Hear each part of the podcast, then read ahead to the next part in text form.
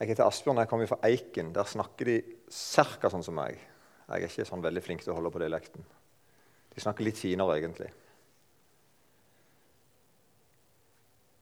Um, jeg, jeg, er veldig spent på, på i kveld, for det, det blir, sånn, det blir litt sånn humpete. Um, jeg hadde liksom to valg. Enten så kunne jeg fortelle en del ting fra livet mitt og fra livet til en del folk rundt meg, og historier som jeg kjenner til. og sånn. Så ble jeg litt usikker på det, for det blir fort litt sånn ja, Kan utlevere litt mange ting. og Du kan kanskje tenke på er det noe helt riktig det han sier, hva når det er forfølgelse. eller sånn. Og så jeg tenkt at kanskje kommer, Vi kommer litt inn på det kanskje i andre time. At det kommer et par litt sånn små eksempler. Heller så har jeg egentlig mest lyst til å på en måte hive opp en 13-14 bibelplasser til, til okke, som er oss. Okke, dere kan okke? Ja. Okke er oss uh, til stadighet. Eh, så sleng opp noen bibelvers og få dere med på å tenke litt. Hva, tenker dere om dette her? For jeg opplever Jeg er 46 år.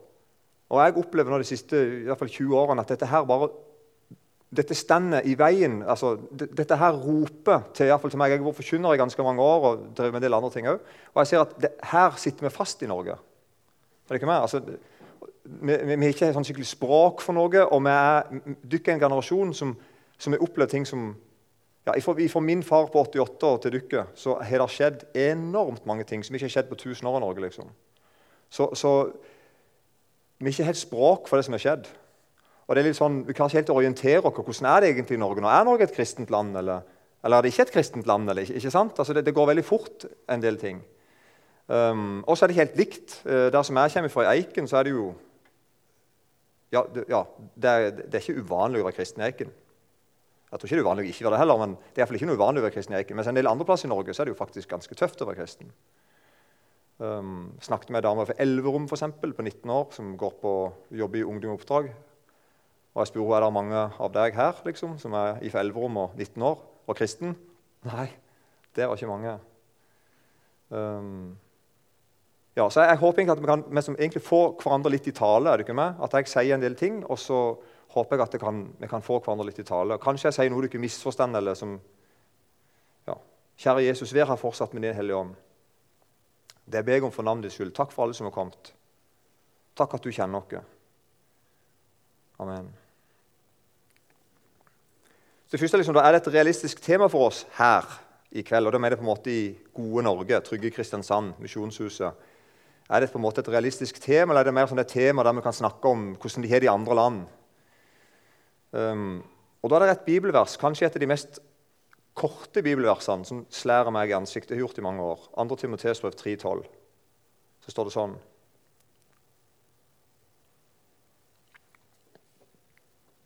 Og alle som vil leve gudfryktig i Kristus Jesus, skal bli forfulgt. Jeg vet ikke om, Er dette et løfte, eller er det en trussel, eller hva er det for noe? Faktisk så er det en trøst. Paulus sier dette til Timoteus. Dette er det siste brevet Paulus skriver. antageligvis, langt jeg forstår. Og Dette er en del av en trøst til, til Timoteus. Egentlig en sånn realitetsorientering. Hvis du er det vanskelig nå, Timoteus, så, så, er det helt rett. Det er sånn det er å høre Jesus til. Og så kommer han da med dette. Alle, faktisk. Altså. Og alle som vil leve gudfryktig i Kristus Jesus, skal bli forfulgt. Så vil jeg bare ta det største med forfølgelse først. altså Med største så mener jeg det beste. Det, det, det, aller beste vi ser i Bibelen om forfølgelse, det er det at det er Jesus som blir forfulgt.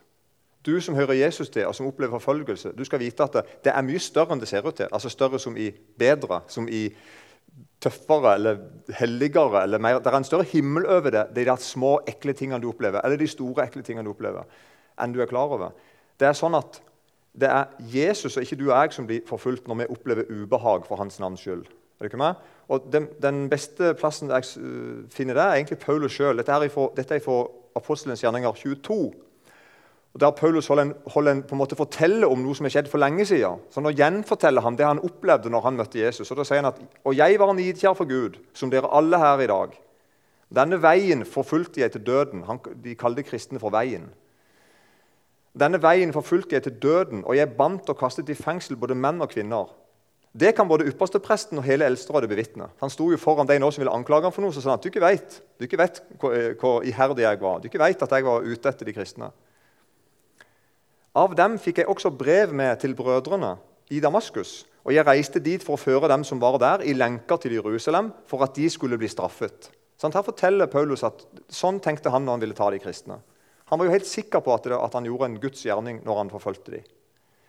Og Han var jo inne og fikk på en måte papirer av uh, kommunen. skulle jeg si, altså både, både sånn, altså fikk, Han fikk offentlige papirer på at han kunne forfølge de kristne og sette dem i fengsel. Han fikk en autoritet, fikk lov til det. Uh, license to forfølge, på en måte. Og så sier han, Men da jeg var på veien og nærmet meg Damaskus, da strålte plutselig ved middagstider et sterkt lys fra himmelen om meg. Og jeg falt til jorden og hørte en røst som sa til meg, Saul, Saul, Hvorfor forfølger du meg? Det var helt nytt for Paulus. Han forfulgte ikke, han forfulgte ikke Jesus. Han forfulgte jo en, en haug med kristne. Men Jesus sier, 'Hvorfor forfølger du meg?' 'Hvem er du, Herre?' Og han sa til meg, 'Jeg er Jesus fra Nasaret, han som du forfølger.' Så Dette er det største jeg kan si når du opplever ubehag og, og, dritt og helt opp til svære Vi skal komme litt videre inn på det. Når du opplever noe for Jesu navns skyld, så skal du være klar over en ting. At Jesus han sier det er han de forfølger. Det er ikke deg. Det er ikke bare deg. Det er ikke bare lille du og dine småproblemer. Du, med?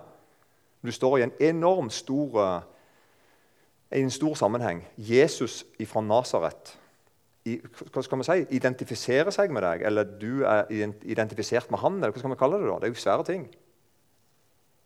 Og Her møter da Paulus Jesus, og så vet sikkert mange hvordan det gikk. Det gikk bra. Han ble blind noen dager, og han ble omvendt. Og han begynte å forkynne veien og begynte å fortelle at Jesus det er sant, det de kristne tror på.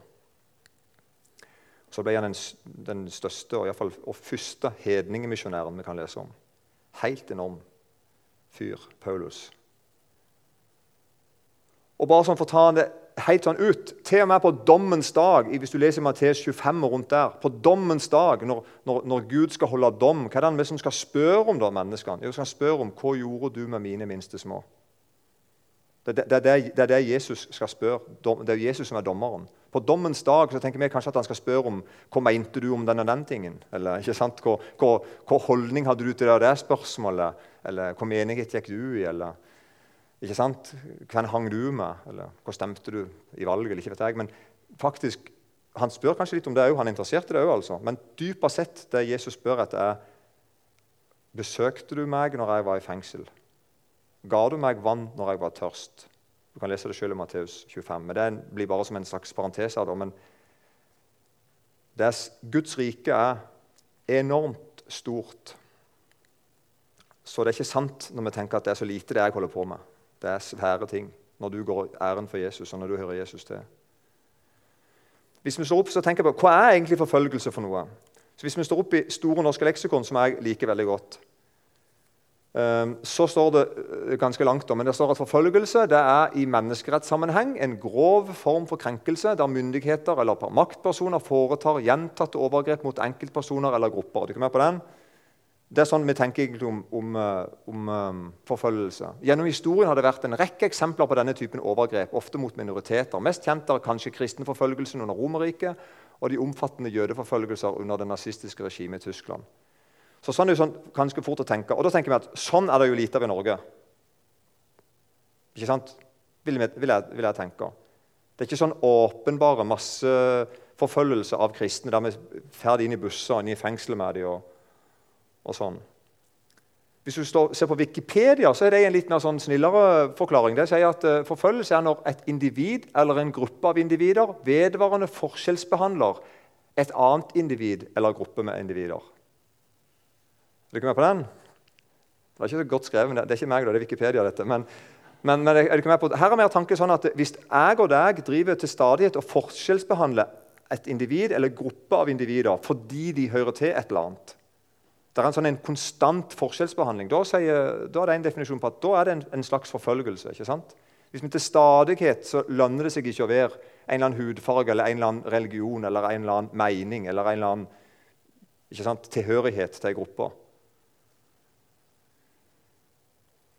da, det, da, sier de, da, sier Wikipedia at det kan være en form for forfølgelse. Så dette sier jeg bare fordi at, at, vi må på en måte sette ting litt i perspektiv når vi snakker om dette. Men å bli forfulgt er uansett det samme som å bli jaga. Det er som Bibelen. Det er, det er Paulus sin, når, ordet, når, Bibelen bruker ordet 'forfulgt', så er det ordet betyr egentlig bare å bli jaga. Det var det Paulus gjorde. Han jagde de kristne. Altså, det er det på en måte ordet betyr. Du, du jager noen for å ta dem, altså. Og Vi tenker at vi kan jage folk økonomisk, sosialt, fysisk. ikke sant? Det er mange måter å jage folk på. Drive dem ut av et land, drive dem ut av en bygd, en by, menighet. Og Da kommer vi litt inn på hva samfunn vi bor i. For Vi bor i et samfunn der det ikke er kult å hogge hånda av folk. Det er på en måte veldig veldig få synes det er, Vi vet om noen, men det er veldig få som syns det er en grei straffeforfølgelse hvis noen har gjort noe galt. Så hogger vi et øre av dem eller en fot dem. Vi lever i et, i samfunn som tenker at det er ikke bra. Ikke sant? Så Det ville være veldig vanskelig å operere sånn. Når Åpne dører du har hørt om Åpne dører, de er en gigantisk organisasjon og bra organisasjon på verdensplan. De finnes også i Norge i bøtter spann. Og de gir hvert år ut ei liste over hen, hvordan står det til med de forfulgte kristne. Jeg vil anbefale den sida opendoors.no. Går du inn der, så kan du lese veldig mye om de forfulgte kristne. Jeg bare tok med sånn, skal, nå, nå, skal vi se en liste her øyeblikk på hvilken land er de mest forfulgte kristne. Og Da har de fire kriterier som de ser etter. Og Det er den juridiske, offisielle status som kristne har. Altså De spør om er det sånn at et land rett og slett har det grunnlovsfesta at det ikke er lov å være kristen her. For eksempel, ikke sant? Sånn er det jo ikke i Norge, da, men en del land i verden så er det sånn at det er, det er per definisjon forbudt å være kristen. Altså Du strider mot kongen eller keiseren eller presidenten. Eller, altså det, det, er imot grunnloven til landet. Um, eller er det forbudt å konvertere til kristendom? Og så er det spørsmål om de faktiske forhold til den enkelte kristne. altså. Uh, blir de kristne drept for sin tro? Um, blir de sendt i fengsel eller arbeidsleirer, eller blir de sendt på psykiatrisk uh, låst inne på galehus liksom, fordi de er kristne? Uh, og Hvilken rolle har Kirken i samfunnet? spør de. Har kristne frihet til å trykke og distribuere kristen litteratur? Blir kristne publikasjoner sensurert eller forbudt? Og da begynner vi å se at Her, begynne, her ser vi tendenser i for Norge til at det kan være en, sånn, en del ganger at vi ser at det, det offentlige kommer og sier at dette vil ikke vi ha på trykk. Disse meningene her strider mot måte, normen i landet. Og så er det siste da, er faktorer som kan hemme eller hindre religionsfriheten i et land. Da det blir kristne møtesteder og eller kristne hjem angrepen pga. antikristne motiver. Er det ikke med? Så de da, Det er deres kriterier. Så går de inn og så ser de land etter land etter land i verden hvordan står det til for de som er kristne i de forskjellige landene.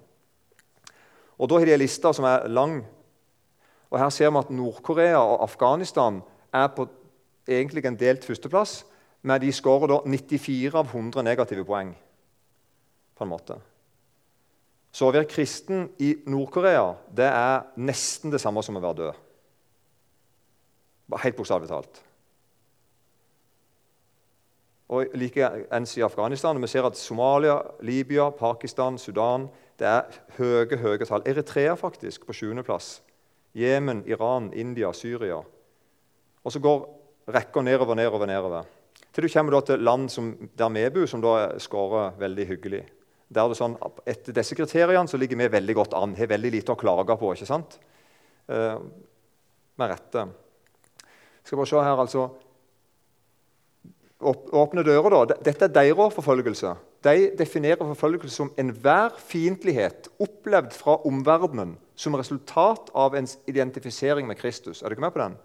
Altså Alle ubehag du opplever for det hører Jesus til, som er direkte knytta til at du vil være kristen, er på en måte, da, da begynner da slår egentlig forfølgelsesbegrepet inn. Dette inkluderer fiendtlige holdninger, ord og handlinger begått mot kristne både innen og utenfor kristendommen. Og da nærmer vi oss litt mer. Nå kan vi begynne å kjenne oss litt igjen ikke sant? i episoder vi har opplevd selv, eller ting vi har lest i avisen eller ting vi har sett på TV siste uka. Da kan vi begynne å tenke på at kanskje jeg har sett en del sånne ting. Kanskje du opplevde det sjøl på Facebook eller på skolen eller på jobben. Eller. Så da er det litt sånn bollenekt og maskingevær jeg skrevet. Og det er fordi at uh, Nabobygda mi heter Tonstad. Hvis ikke du har fått med deg det skolelaget der. Har du ikke hørt om det? Bare sånn helt kort fortalt, så er det sånn at uh, på skolen i, i, på Tonstad, som er en liten plass på størrelsen med Eiken, Som om det sa det ikke noe, men det er sånn 1000 innbyggere. liksom. Der er det en skole da, som, ville, ville ha, som hadde da serverte boller og hadde skolelag. Og Så kom da etter hvert kommunen på banen og sa at de fikk ikke lov til å ha skolelag og invitere med boller. For det var en slags De frista folk med ting, på en måte. Så, ble de, så skolelaget ble forsøkt nedlagt. Og så var det disse bollene da, som kom i sentrum. Da. Så var, De lokte med boller. Og det ble ikke inkluderende for de som ikke gikk på skolelaget. De fikk jo ikke boller. Så ble det et skille på skolen. De som ikke hadde boller, og de som hadde boller. Og så var dette dumt. da. Så blitt veldig harselert med i avisen, og politikerne de dreit seg ut. Det var jo flaut. Så Det var jo en, en fyr i Stavanger som, som, sendte boller til skolen til alle lærerne. og noe greier. Og, mye sånn da. Men allikevel, det forteller noe veldig viktig. At det er altså oppegående, tilsynelatende oppegående voksne mennesker som sitter og styrer og steller i en kommune på siden av meg, som faktisk seriøst mener at de ønsker ikke at folk skal drive skolelag på skolen. Det er jo interessant å, å, å tenke på det.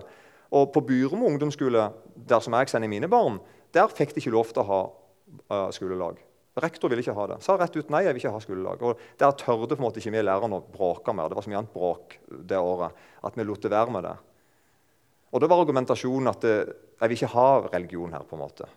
Noen, jeg vil ikke ha noen religion her. Gå hjem og gjør tingene deres. Det var liksom argumentet. da.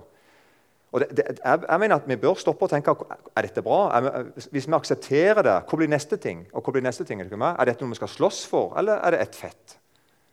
Er det så farlig hvor mye vi har andakt på Byrum ungdomsskole en gang i måneden? liksom? Sant? Nei, sånn Isolert sett er det ikke hvor farlig det er. Det er ikke sikkert andakten er så veldig god engang. Skjønner? Men, men likevel, prinsipielt så tror jeg det, det, forteller noe veldig viktig om landet vårt. Er du ikke enig i det? Så der var jo jeg, da. Jeg har glemt navnet på Kjempebra. Uh, ei ung dame da, selvfølgelig hun gikk på ungdomsskolen. Um, som da på en måte slåss for, for um, skolelaget. Og jeg, jeg, siste par måneder, jeg har vært mer bedt for det. Jeg, jeg har sånn, til dels levd meg inn i det. Jeg tror det er viktig. Og det at ungdommene sjøl òg kjemper for retten til å tro på Jesus. Retten til å samles om Guds ord. Sånn at når vi på bedehuset på Tonstad sier at ja, nå er vi samla her på møte i kveld, takk, kjekt å se så mange, de pleier å si det, og så, um, og så godt at vi kan møtes og har lov til å møtes, så gir det faktisk mening å se den setningen.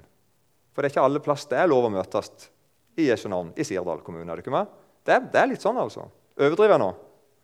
Nei, jeg tenker jeg ikke gjør det.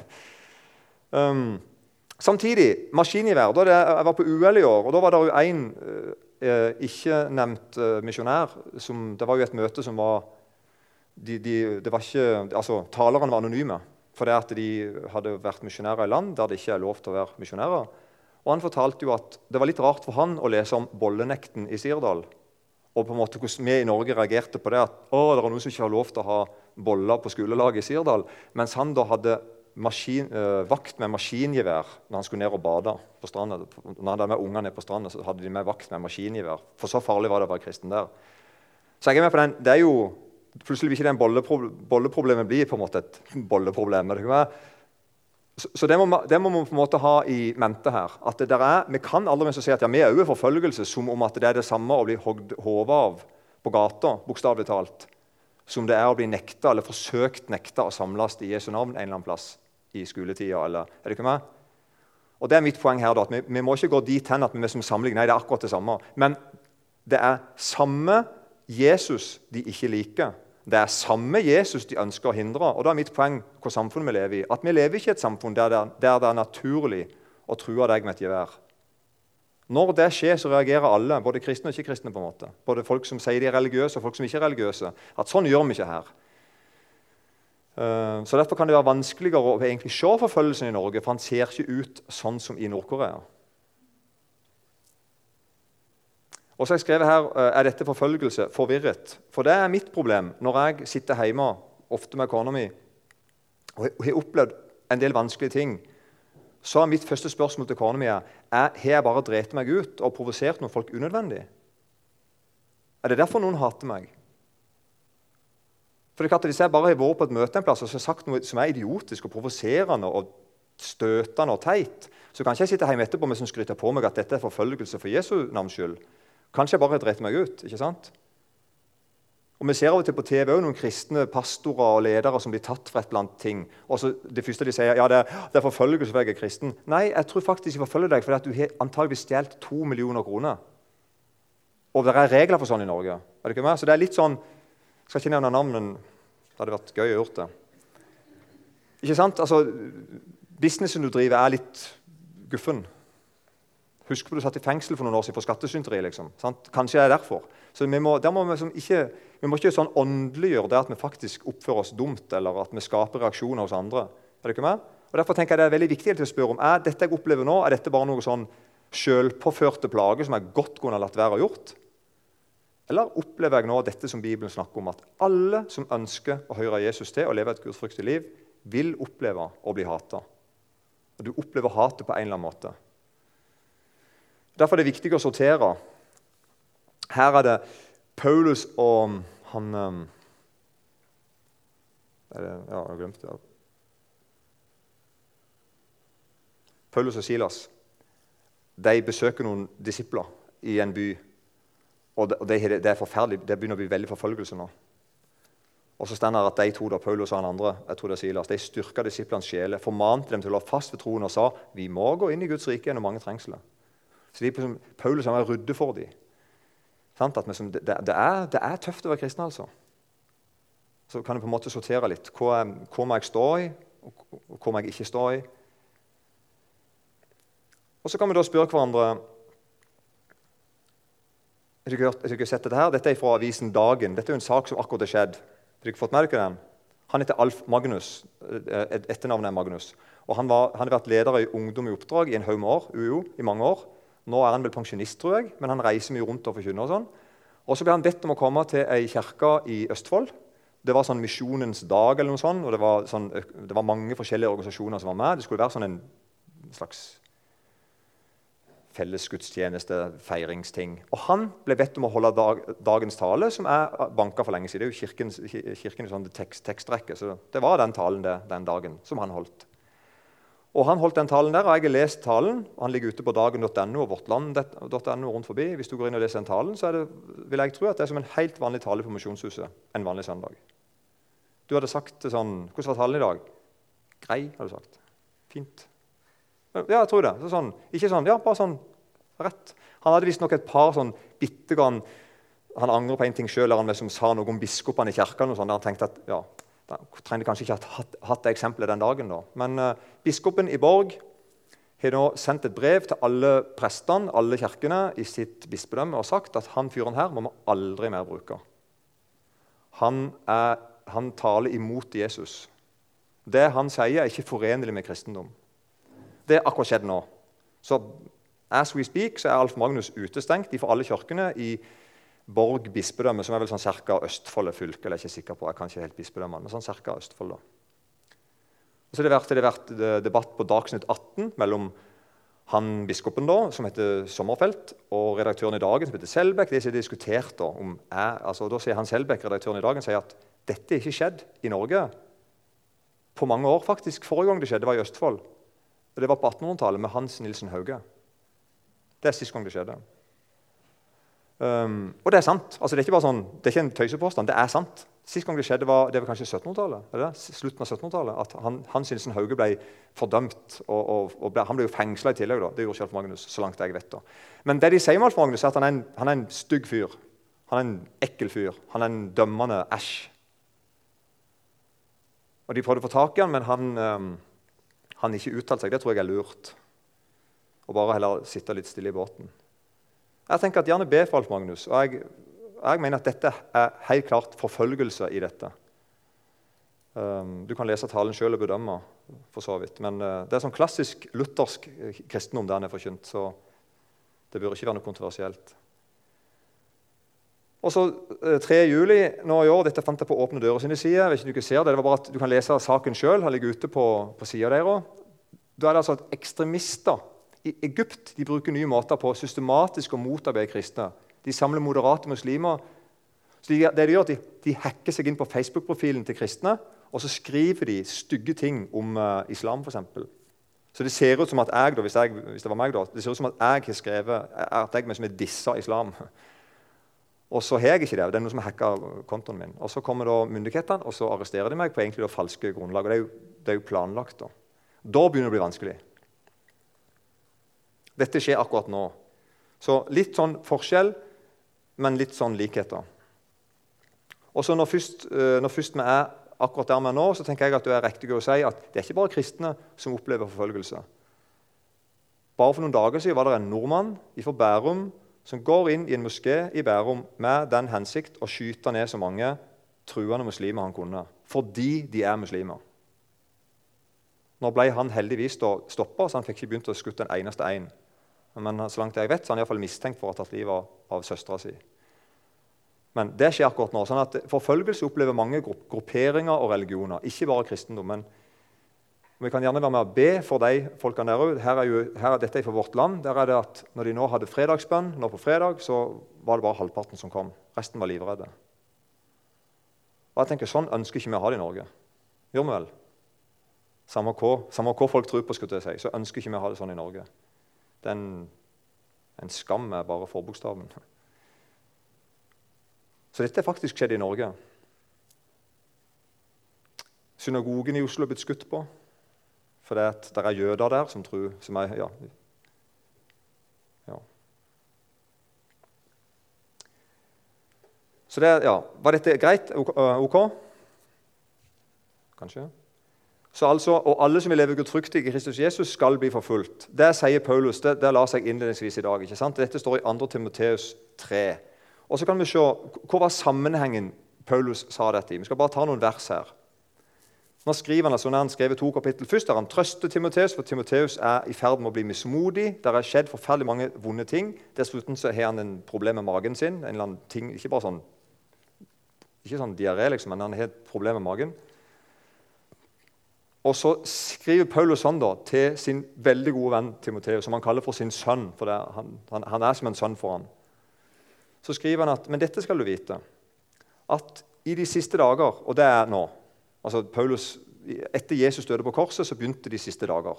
Så vi lever i de siste dager. Sånn, det er sånn Bibelen tenker. Uh, men dette skal du vite, at i de siste dager skal det komme farlige tider. Og, ok, Hva er farlig med tidene? Jo, menneskene skal da være egenkjærlige, pengekjære, skrytende, overmodige, spottende, ulydige mot foreldre, utakknemlige, uten aktelse for det hellige, uten naturlig kjærlighet, uforsonlige, baktalende, umåtelige, voldsomme, uten kjærlighet til det gode, svikefulle, oppfarende, oppblåste, slike som elsker sine lyster høyere enn Gud. Dette er de farlige tidene. Og så er det noen som latterliggjør dette og sier at ja, vi har alltid sagt at det står verre til nå enn før. ikke sant? Så, så er det noen som ler litt av det, at dette her er sånn typisk. Alle generasjoner sier det, at det var mye bedre før. Men det er ikke poenget til Paulus. Paulus sitt poeng er å si at sånn vil det være i alle de siste tidene. Altså ifra år 60, som 67, som han skrev dette her, og fram igjennom. Det vil kjennetegne de farlige tidene. Alle de farlige tidene. I alle generasjoner. Og så kommer da, Nå topper det seg i vers 5. da, 2. Timoteus 3, vers 5. De har skinn av gudsfrykt. Hva det betyr? De ser kristelige ut. De ser bra ut. De oppfører seg fint. De har god moral sånn tilsynelatende. De er skinn av det. Men fornekter dens kraft. Slike skal du vende deg ifra. Og så kommer han med noen ekstraopplysninger. Til dem hører også de som sniker seg inn i husene og fanger kvinnfolk som er nedtynget av synder og drives av mange slags lyster, som alltid vil lære, men aldri kan komme til sannhetserkjennelse. Og så viser han til Jannes og Jembres, som sto Moses imot. Slik står også disse sannhetene imot. Og Hvis du slår opp i bibelkommentarer om hvem var uh, Jannes og Jambres, så sier bibelkommentaren at det vet vi ikke helt, men mange mener at det var de der trollmennene, eller vismennene, hva de kaller de, som Moses møtte når han Aron kom og ville, ville, let my people go. Husker du når han kom med den staven og så gjorde de om til en slange? og sånn, så var det, var det, noen trollmenn der som også kunne det samme. Noen mener at det er deg han viser til, som sto Moses imot. De har fordervet sitt sinn og holder ikke mål i troen. Og Så kommer da Paulus med trøst. De altså de folkene som står, som står, Gud imot, de skal ikke ha mer fremgang. For deres dårskap skal bli åpenbar for alle, slik det også gikk med de to jeg nevnte. Men du har etterfulgt meg i lære, i livsførsel, i forsett, i tro, i tålmodighet, i kjærlighet, i utholdenhet, i forfølgelser, i lidelser, slike som møtte meg i Antiokia, Ikonium og Lystra. Ja, alle slags forfølgelser som jeg har gjennomgått. Og Herren har fridd meg ut av dem alle. Og så kommer det punchline som vi hadde da, og alle som lever gudfryktig i Kristus Jesus, skal bli forfulgt. Så det er helt tydelig at Paulus mener at det er normalt for Timoteus å oppleve forfølgelse, lidelse osv. Så sånn er det bare. Og de farlige tidene er de som har et skinn av å høre Gud til eller være moralsk oppegående, men de er ikke det. Skal vi ta litt til før vi tigger kaffe? Ja. Jeg har, kalt det for noen tunge stikkord. For det er jo det er, sånn, det er ikke sånn gøye stikkord. Men, eh, men, altså bare sånn, dette er sånn stikkord du finner i Bibelen. Og som jeg opplever, Hvis jeg bare skal ta et år med forkynnelse i Høyre sånn, litt sånn tilfeldig, så, så er nok ikke det de typiske ordene jeg hører. Men i Bibelen ser de mye mer typiske ut. De snakker med stor selvfølgelighet med hverandre, sånn som jeg nå har lest. Timoteus og Paulus og Silas og Stefanus. og Lukas og Matteus. Altså, de snakker med en helt annen, og ikke minst Jesus. da. Jeg skal komme litt inn på dette hvert da. Så Dette er sånn stikkord du finner i Bibelen. Ta sitt kors opp. Hører, det, høres, det, høres, ikke bra ut. på en måte, Det er gøy ut, eller sant? Du skal ta ditt kors opp og følge han, sier Jesus. Eller fornekte seg sjøl. Det høres helt forferdelig ut. Og Særlig i sånn nytelsessamfunn der vi har på en måte masse bra tilgjengelig, der, der på en måte vi har mange ting vi må fornekte, så er det enda verre. Eh, lide, tåle, gi, tape, dø. Uh, tunge stikkord. Og det er de tingene der kjenner jeg skremmer meg mer og mer. At vi distanserer oss ifra dem, vi forklarer dem vekk, eller åndeliggjør dem, eller ja, jeg vil vekk ifra dem. Um, sånn at her er tusenkronersspørsmålet til, til deg. Du ikke skjønner begrepet tusenkronersspørsmål. Det betyr du får ikke 1000 kroner av meg uansett. Men uh, jeg, dette, jeg, jeg, har en formening om dette. Jeg skriver her vi takker Gud for at vi slipper mye vondt. Og så spør jeg da men er det alltid bønnesvar vi får når vi slipper det. Er du ikke med? Hvis jeg bruker nå resten av 2019 på å unngå enhver ubehagelighet fordi jeg er kristen er du ikke med? Altså, enhver ubehagelighet. Jeg passer på hva jeg, hva jeg, deler på Facebook, jeg passer på hva jeg sier til folk jeg diskuterer med, jeg passer på hva jeg sier på talerstolen, jeg passer på hva jeg skriver, jeg passer på hvem jeg henger med. Fordi at jeg ønsker ikke å støyte noen, jeg ønsker ikke å bli mislikt og jeg ønsker ikke å bli hata og forfulgt heller. Jeg bruker, jeg bruker 2019 på det. Konsentrerer meg om det. Oppfører meg rett. Er det da et bønnesvar at jeg ikke har forfølgelse i løpet av 2019? Jeg tenker at det er jo egentlig ikke det. det jo, jeg har jo gjort alt jeg kunne for å, for å gi meg det sjøl. Er ikke med på hva jeg mener med det? Sånn at Jeg har tenkt noen ganger når vi sier jeg takker deg Gud, for at vi ikke har det sånn og sånn, altså sånne, sånne forfølgelsesting, jeg takker for at det ikke er det vanskelig og sånn, så jeg har tenkt noen ganger på, jeg lurer på hva Jesus tenker når han hører meg takke om det. La oss si at Jeg står der framme på podiet så takker jeg for at jeg ikke har opplevd det vanskelig. Og så sitter Jesus i himmelen, hvis han gjør det da, men du er med på bildet, så sitter Jesus i himmelen og så tenker han, Asbjørn, jeg ba deg om å gjøre en ting i siste uke som hadde kosta deg en del ting, men du sa nei. Og nå står du foran en haug med folk og så takker du for at du slapp. Du slapp ikke. Du bare snek deg unna. Er du ikke med? Og Da står jeg i ferd med, med, å bli av de der som er skinn av gudsfrykt, men jeg fornekter ens kraft. For noe av kraften det skal vi komme i neste time, noe av kraften til en kristen er nettopp å gå inn i lidelse og trengsel og vanskeligheter. Ikke unødvendig, ikke sånn selvmordsbombing, glem det. Men vi går inn med åpne øyne inn i ting vi vet at dette kommer til å bli vanskelig, men jeg gjør det. Hvorfor det? Jesus har bedt om å gjøre det. Så noen ganger når noen sier at jeg, tak, jeg takker for at det ikke er det vanskelig, så ja, noen ganger faktisk grener mens taleren eller de som leder, eller hvem det er, takker for det. For jeg, jeg, jeg, er jo enig. det er ikke gøy hvis, hvis vi blir tatt i kveld. Det er ikke det jeg mener. Jeg er ikke sånn at yes, det hadde vært meg som gøy. Men jeg er redd for noen ganger om jeg er med på vei vekk fra Jesus. Med måten vi lever sammen med han på. Er disippellivet vårt et, et, et, et eh, sofaliv? Der jeg bruker masse energi på å unngå alt som er vanskelig. Og så har jeg et skinn av gudsfrykt. Jeg står og takker for det på bedehuset eller foran deg. Så nå har jeg sagt, nå, Du skjønner litt hva svaret mitt er, men, men det, er ikke, ikke, sånn at hver gang vi takker for dette, så er det feil. Nei, nei, nei, nei, nei, nei. Takk og lov at jeg slipper å få et geværmunning i ansiktet hver morgen når jeg står opp. Det er veldig ubehagelig å gjøre det. Uh, bare, jeg Har med, har du hørt om Kurt Westman? En svensk eldre forkynner uh, som har bodd i Norge i mange mange år. Han sa det at eh, jeg sto, han sto på ei grense en plass og skulle smugle kristen litteratur. Så sa han jeg sto, jeg sto på grensen med et geværmunning i ryggen og hendene på, ta, på, bilen min, på taket på bilen min og tenkte Hva slags løk var det? Han sa ikke løk, men det var sånn et ord. Hva slags løk var det? Så skrev denne salma?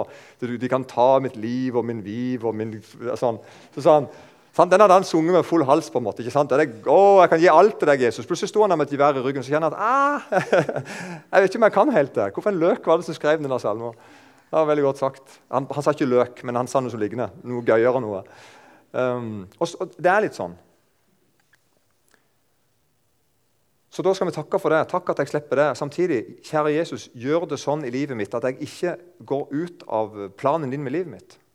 At ikke jeg blir feig. At ikke jeg fornekter kraften din. At ikke jeg blir en kristen som har skinn av gudsfrykt, men jeg fornekter kraften. Kjære Jesus, velsigna det jeg har sagt. Vær med oss videre for navnet ditt skyld. Amen.